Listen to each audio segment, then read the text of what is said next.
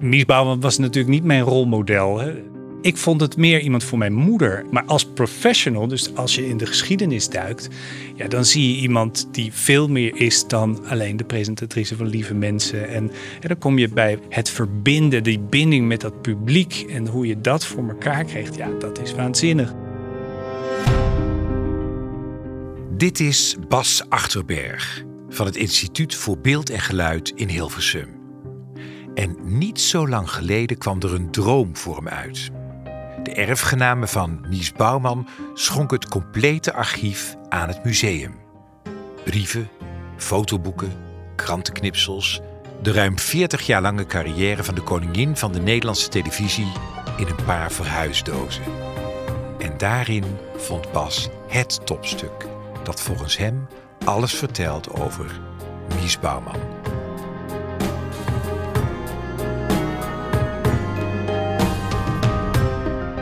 Je luistert naar Topstukken, de podcast over de mooiste kunst en cultuur van Nederland.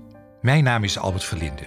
In elke aflevering praat ik met een expert van een museum of een andere culturele instelling in Nederland en stel ik de vraag: wat is jouw persoonlijke topstuk? Heel veel sterkte. En voor de 25ste keer, licht uit, spot aan. Dit zijn woorden die in het begin van de jaren 70 miljoenen Nederlanders zaterdagavond uit hun televisietoestel horen. Het spelprogramma 1 van de 8. Dit is een van de vele programma's waar Mies Bouwman aan heeft meegewerkt. Haar carrière begint als de televisie nog in de kinderschoenen staat, begin jaren 50. Weinig mensen zijn zo verbonden met de televisiegeschiedenis als zij. Ook ikzelf ken haar goed en heb regelmatig met haar samengewerkt. Maar los van alle televisieprogramma's die zij presenteerde en ontwikkelde, wil ik natuurlijk van Bas weten wat volgens hem het topstuk is uit de collectie van Mies Bouwman. Als topstuk heb ik een broekpak van Mies Bouwman meegenomen. En dat is een prachtig wit pak. Dat had zij aan in het programma De Hoofdrol. Eigenlijk aan het eind van haar carrière, want dit pak is, eh, dat droeg ze in 1993. Maar Mies Bouwman was van de broekpakken in een tijd dat dat nog niet zo gangbaar was. Dus dat broekpak staat voor mij ook voor de ja, geëmancipeerde vrouw, de zelfstandige presentator, programmamaker, die meer was dan alleen een gezicht op televisie, maar voor iets breder stond. Maar voor iemand die van Mars komt, eh, of heel jong is, wie is Mies Bouwman? Nou, nu zien wij, in ieder geval de mensen van onze generatie, Mies Bouwman als de koningin van de Nederlandse televisie. Eh, begonnen op 16 oktober 1951, toen de televisie nog een week oud was. En doorgegaan tot 1994. Eh, en in die tijd enorm succesvolle programma's gemaakt. Begon als omroepster, eh, maar al snel presentatrice. Werd wereldnieuws met de actie Open het Dorp. Een televisiemarathon van 23 uur. Nou, dat was nog nooit vertoond. En ze bedacht programma's, ze presenteerde het, ze produceerde het. En zij is toch eigenlijk wel een van de mensen die toch de basis heeft gelegd voor hoe wij de Nederlandse televisie nu nog dingen maken, denk ik. Kijk, toen ik jong was, uh, toen was Mies al wat verder in haar carrière. Als puber, ja, Mies Bouwman was natuurlijk niet mijn rolmodel. Hè. Want hoe oud ben jij? Ik ben uh, van 1968. Dus ja, ik heb de telebingo meegemaakt en in de dus je vond een commerciële tante eigenlijk? Nou, niet commercieel. Ik, ik vond het meer iemand voor mijn moeder. En uh, lieve mensen en hartstikke goed. Maar als professional, dus als je in de geschiedenis duikt... Ja, dan zie je iemand die veel meer is dan alleen de presentatrice van lieve mensen. En, en dan kom je bij het verbinden, die binding met dat publiek... en hoe je dat voor elkaar krijgt. Ja, dat is waanzinnig. Wat was het moment dat jij zei Ah, zij is dus meer dan, met alle respect, telebingo in de hoofdrol. Nou, dat, dat is zodra je de geschiedenis ziet. Dus die, die stappen van omroepster naar dat opene dorp, naar, zo is het toevallig ook nog eens een keer, naar een van de acht, mise en scène. Dus die combinatie van al die verschillende genres die zij uh, beheerste. En de mise en scène was het gesprek van de dag, uh, de dag erna, de gesprekken die zij voerde. En dan zie je veel meer dat vakmatige waarin zij uh, gewoon uitblinkt. En ja. uh, enorme kwaliteit weet te bieden. Ja, als je dat ziet, dan, dan kun je niet zeggen, dat is niet voor mij. Hè. Ik heb op een gegeven moment een televisieprogramma maken over archiefbeelden. En toen bleek dat Mies een van de weinigen was waar je specifiek toestemming moest vragen om een fragment te gebruiken waar zij in zat. En Ja. daar volgens mij zelfs nog geld voor apart moest Ja. betalen aan mevrouw Bouwman. Was ze daarmee haar tijd ver vooruit? Nou, zoals in veel opzichten haar tijd vooruit. Zij is nooit verbonden geweest aan een omroep. Wat in die tijd eigenlijk best bijzonder was. Ze begon bij de KRO. Daar was het wel in dienst eh, als omroepster. Haar vader zat in het bestuur, dus die stap was ook wel logisch. Toen kwam ze bij de AVRO en later bij de VARA en later weer bij de AVRO. Dus zij was een zelfstandige, een freelancer met programma-ideeën in een tijd dat dat nog vrij ongewoon was. Nu is dat vrij gangbaar, maar in die zin kon zij dus ook over die rechten beschikken. Dat is het ene. En het andere is, die omroepen waren ook nog een ander soort organisaties. Ze waren ook niet altijd eh, even begaan met hun presentatoren. Dus zo makkelijk als je op het voetstuk gehezen werd, werd je er ook weer van afgekieperd. En dat maakte haar ook wat harder naar het eind toe, denk ik. Hè? Wat zakelijker. Ja. Maar ja, daar kan je daar toch eigenlijk ook geen ongelijk in geven. En ze heeft echt een tv-programma bedacht wat internationaal ging. Een van de acht. Hè? Ja. De, de Generation Ja. Game in Engeland. Rudy Karel am laufenden band. Ja. In Duitsland. Beetje te houden, is de klok klaar? Is de band klaar? En de muziek? Dan gaan wij starten. Dat is dus waanzinnig in een tijd dat formats nog niet gangbaar waren. Eh, Wat, nu voor bijvoorbeeld eh, John de Mol natuurlijk het model is. Het bedenken van een format, het uitproberen in Nederland en dan uitzetten. Ja, dat deed zij dus al 40 jaar geleden. Toen zat dat systeem er nog helemaal niet in. Is ze daar rijk van geworden, van dat format aan de BBC verkopen? Echt rijk betwijfel ik. Ik denk dat ze een heel goed inkomen had. Maar als ze het in het huidige tijdsbestek had gedaan, dan was dat heel anders geweest. Dat was nog heel bescheiden. Wat wel zo is, is dat zij dus ook altijd die strijd met die omroepen. Want die vonden eigenlijk dat zij eigenaar waren van dat soort programma's. Die strijd die heeft denk ik meer energie gekost. En ik heb niet de indruk dat Mies heel erg met geld bezig was. Maar veel meer met waardering en genoegdoening voor datgene wat zij had. eh Een rechtvaardigheid. rechtvaardigheidsgevoel, ja. Maar er zijn zoveel mensen die televisie gemaakt hebben vanaf het allereerste begin. Wat zou je kunnen omschrijven wat haar, nou haar talent was, waardoor ze op kon bloeien, waardoor ze dat allemaal deed en al die jaren is blijven doen? Ja, ik denk een enorme drijfveer, enorme kracht. En ze bracht een aantal kwaliteiten samen. Want dat is ook het bijzondere dat ze verschillende genres beheerste. Dus dat verbinden naar het publiek toe, dat kon ze zowel in een enorme spelshow als in een talkshow. En op het moment dat zij vlijmscherp een vraag moest stellen, kon ze dat ook. Nou, dat is natuurlijk een kwaliteit die- uniek is. Die, die hebben niet veel mensen. En dat was to the point. Niet voorbereide televisie, niet alleen maar scripts. En die spontaniteit in een enorm vakmanschap, bindend naar het publiek. Dus dat het publiek ook bleef kijken. Als je die kwaliteiten hebt, ja, dan kan je 40 jaar televisie maken.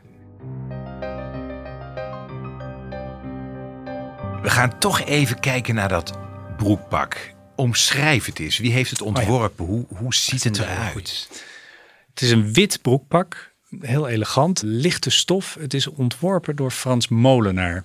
Met Frans Molenaar werkte zij in de jaren 80 samen. Voor die tijd had ze dus broekpakken van Dick eh, Holthaus. Altijd broekpakken eigenlijk? Veel, veel. Niet alleen. Het was niet een statement om zich te onderscheiden of anders te zijn. Het was wat haar heel erg, ja, het paste gewoon. En werd dat dan voor haar ontworpen? Was het Nou, volgens mij was het op maat. Ze ging wel bij Frans langs. En het grappige is dat ze daar ook nog wel commentaar op kreeg. Met name in de eerste jaren, dat ze toch eigenlijk net iets te dik was. Of op uiterlijk werd toch wel veel gezegd. En ja, zij eh, wilde toch niet alleen maar de elegante presentatrice zijn. Terwijl ze uitermate elegant gekleed was natuurlijk. Maar het kwam wel wat informeler en energieker over. Was dat de reden dat ze die broekpakken wilde? Dat ze denkt dan, ben ik informeel, ik ben energiek. Ik weet niet of ze dat dacht, maar ik denk wel dat ze zich prettig wilde voelen. En thuis liep ze het liefst in gewoon eenvoudige zwarte kleding, eh, heel, heel simpel. Dus volgens mij wilde ze daar het dichtste bij zitten. Het bijzondere kledingstuk maakt deel uit van een grote collectie die de kinderen van Mies Bouwman aan het Instituut voor Beeld en Geluid hebben geschonken. Naast verschillende bijzondere kledingstukken bestaat het uit verschillende prijzen die Mies in haar carrière heeft gewonnen. Een goudmijn voor iemand die de Nederlandse televisiegeschiedenis onderzoekt. Wat ik zelf erg leuk vind, zijn de vele brieven die ze heeft gekregen. En uh, ze heeft uh, regelmatig van die brieven ook in de boeken over haar uh, gepubliceerd. En dat is erg leuk omdat ze zowel de positieve, maar ook de negatieve brieven in die boeken liet zien. Zij vond het ook, nou ja, prachtig is misschien overdreven, maar zij kon dat wel hebben ook als mensen kritiek op haar hadden. Mits goed gefundeerd, maar ook van het maakte haar sterker. Die enorme schakering van 50 jaar aan post die zij uh, bewaarden, een selectie daarvan, die zit bij ons dus in die collectie. En dat uh, is gewoon heel mooi om te zien. Ja. Het, Hoe gaat dat? De familie van Mies, hè, de kinderen, die bellen en die ja komen dan langs? Hoe gaat dat? Hoe moet ik dat voor me zien? Zij vragen eerst of wij interesse hebben. Nou ja, daar volgt dan een ja met een uitroepteken op natuurlijk. En dan gaan we kijken van nou, hoeveel is het? En zij wisten ook niet alles, hè, of ze alles wilden overdragen. Of sommige dingen te persoonlijk waren eh, voor hun. Uh, om over te dragen. Dus dan kijk je even wat, wat zit erin. Maar hoe gaat het dan? Gaan naar hun toe of komen zij naar jou toe met dozen? Wij gaan in eerste instantie naar hun toe. En dan komen de dozen eh, grofweg naar ons en dan gaan wij er nog een keer doorheen en overleggen nog met hun. En heb je een dus, eh, afspraak gemaakt als het te persoonlijk wordt en we twijfelen zelf, dan overleggen we dat even? Ja. Nou, Mies heeft redelijk goed uh, wel gedocumenteerd hoor. Dus het is ook weer niet zo'n rommeltje dat het uh, 40 jaar of 50 jaar in dozen gepropt is.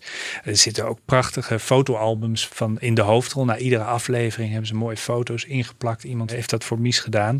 Die heeft ze zorgvuldig bewaard. En dat is natuurlijk fantastisch om te zien. De foto's zelf zijn niet uniek, want die hebben we ook in het archief. Maar dat ze zo mooi zijn ingeplakt in een album voor Mies en dat er her en der wat bijgeschreven staat, is natuurlijk weer wel een uh, toevoeging. En uh, dat vind ik ook heel mooi. Dat je soms is er een scriptje van een programma en dan staan er opmerkingen bij die Mies erbij gezet heeft. Ja, dat voegt iets toe natuurlijk. En dan weet je waar de uitroeptekens staan of de vraagtekens.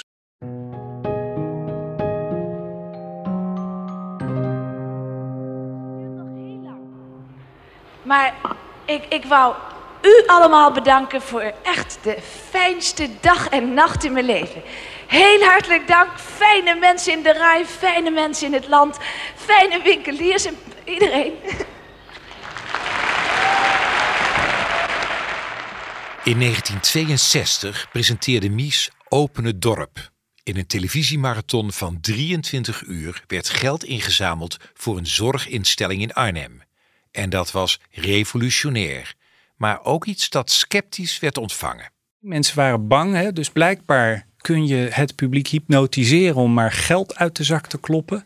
Het idee dat, dat de hele maatschappij ineens allemaal dezelfde kant op keek en enthousiast werd uh, om met luciferdoosjes vol met dingetjes uh, geld te brengen naar de studio. Ja, dat vond men aan de ene kant prachtig, maar aan de andere kant was dus angst van blijkbaar kan je dus mensen zo snel ergens toe zetten. En zag je daar al meteen het talent van Mies dat ze een soort klik met die camera had? Absoluut, absoluut. Wat Iemand stelde ook voor in de voorbereiding. Mies was nauw betrokken bij de voorbereiding. Het was niet iemand die uh, op het laatste moment uh, binnenkwam. Uh, iemand stelde van nou, dan doe jij een deel en dan hebben we iemand anders en dan ga jij weer even zitten. En toen zeiden ze nee, niets daarvan. Ik doe het of ik doe het niet.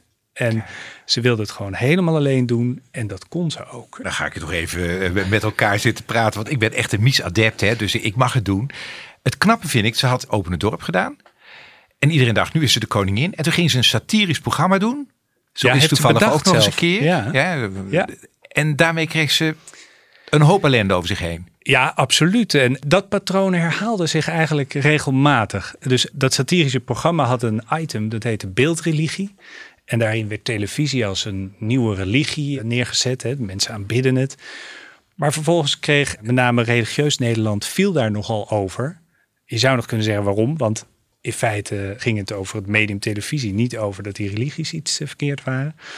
Maar dat richtte zich vooral op Mies, omdat zij betrokken was bij het programma. En zij had dus uh, die status van koningin. En ja, dat paste niet bij elkaar. Dus zodra iets begon te schuren, dan klopte dat beeld niet wat mensen van haar hadden. En ze kregen echt drollen in de brievenbus. en haar kinderen moesten onder politiebegeleiding de, de haat-tweets van nu zijn kinderspel vergeleken met wat zij toen heeft meegemaakt. Ja, in een tijd dat dat nog heel ongewoon was. Ze voelde zich echt bedreigd en terecht. De politie kwam aan de deur omdat ze serieuze bedreiging hadden gekregen.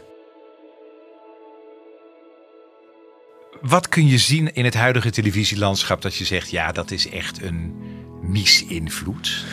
Nou ja, ik vind dus dat idee van die formats vind ik een invloed. En als ik kijk naar het programma Mise en Scène, wat uitgezonden werd vanaf 1966, uh, dat vind ik eigenlijk een De Wereld Draait Door. Nou, daar is toch wel erg veel tijd overheen gegaan om tot een vergelijkbaar uh, programma te komen. Er zijn natuurlijk wel andere programma's geweest die vergelijkbaar zijn, maar op dat niveau. Het grootste verschil is dan dat dat soort programma's nu dagelijks kunnen. Ja. Dat kon in die tijd niet door de omroeppolitiek. Als je nou naar deze tijd kijkt en we moeten een koningin, een nieuwe Mies aanwijzen, wie is dat dan? Ja, dat is heel moeilijk, vind ik. Die media zijn zo veranderd. Want in, de, in die tijd dat Mies het was nog in dat opzicht heel recht toe recht aan.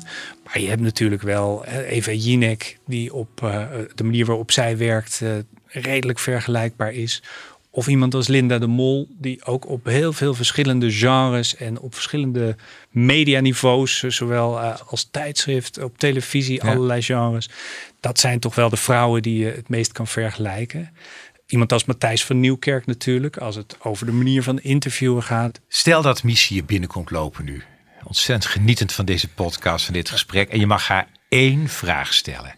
Ja, dat is verschrikkelijk moeilijk natuurlijk. Maar ik zou zelf toch nog wel willen zien wie zou zij nog, als ze mise en scène, zeg maar, zo'n soort programma mocht maken, wie zou zij op de stoel willen hebben? Wat zou zij vragen aan die persoon?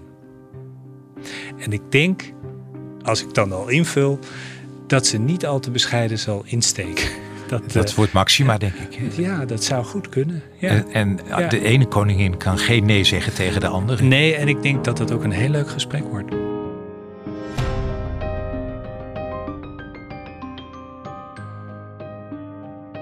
Je luisterde naar Topstukken, aangeboden door de Vriendenloterij, de cultuurloterij van Nederland. Mijn naam is Albert Verlinde, ambassadeur van de Vriendenloterij. Ik ben er trots op dat wij cultuur steunen in heel Nederland, dankzij onze deelnemers. En als je meespeelt in de Vriendenloterij, ontvang je een VIP-kaart waarmee je korting krijgt op de leukste uitjes en gratis ruim 125 musea kunt bezoeken. Dus ook beeld en geluid in Hilversum.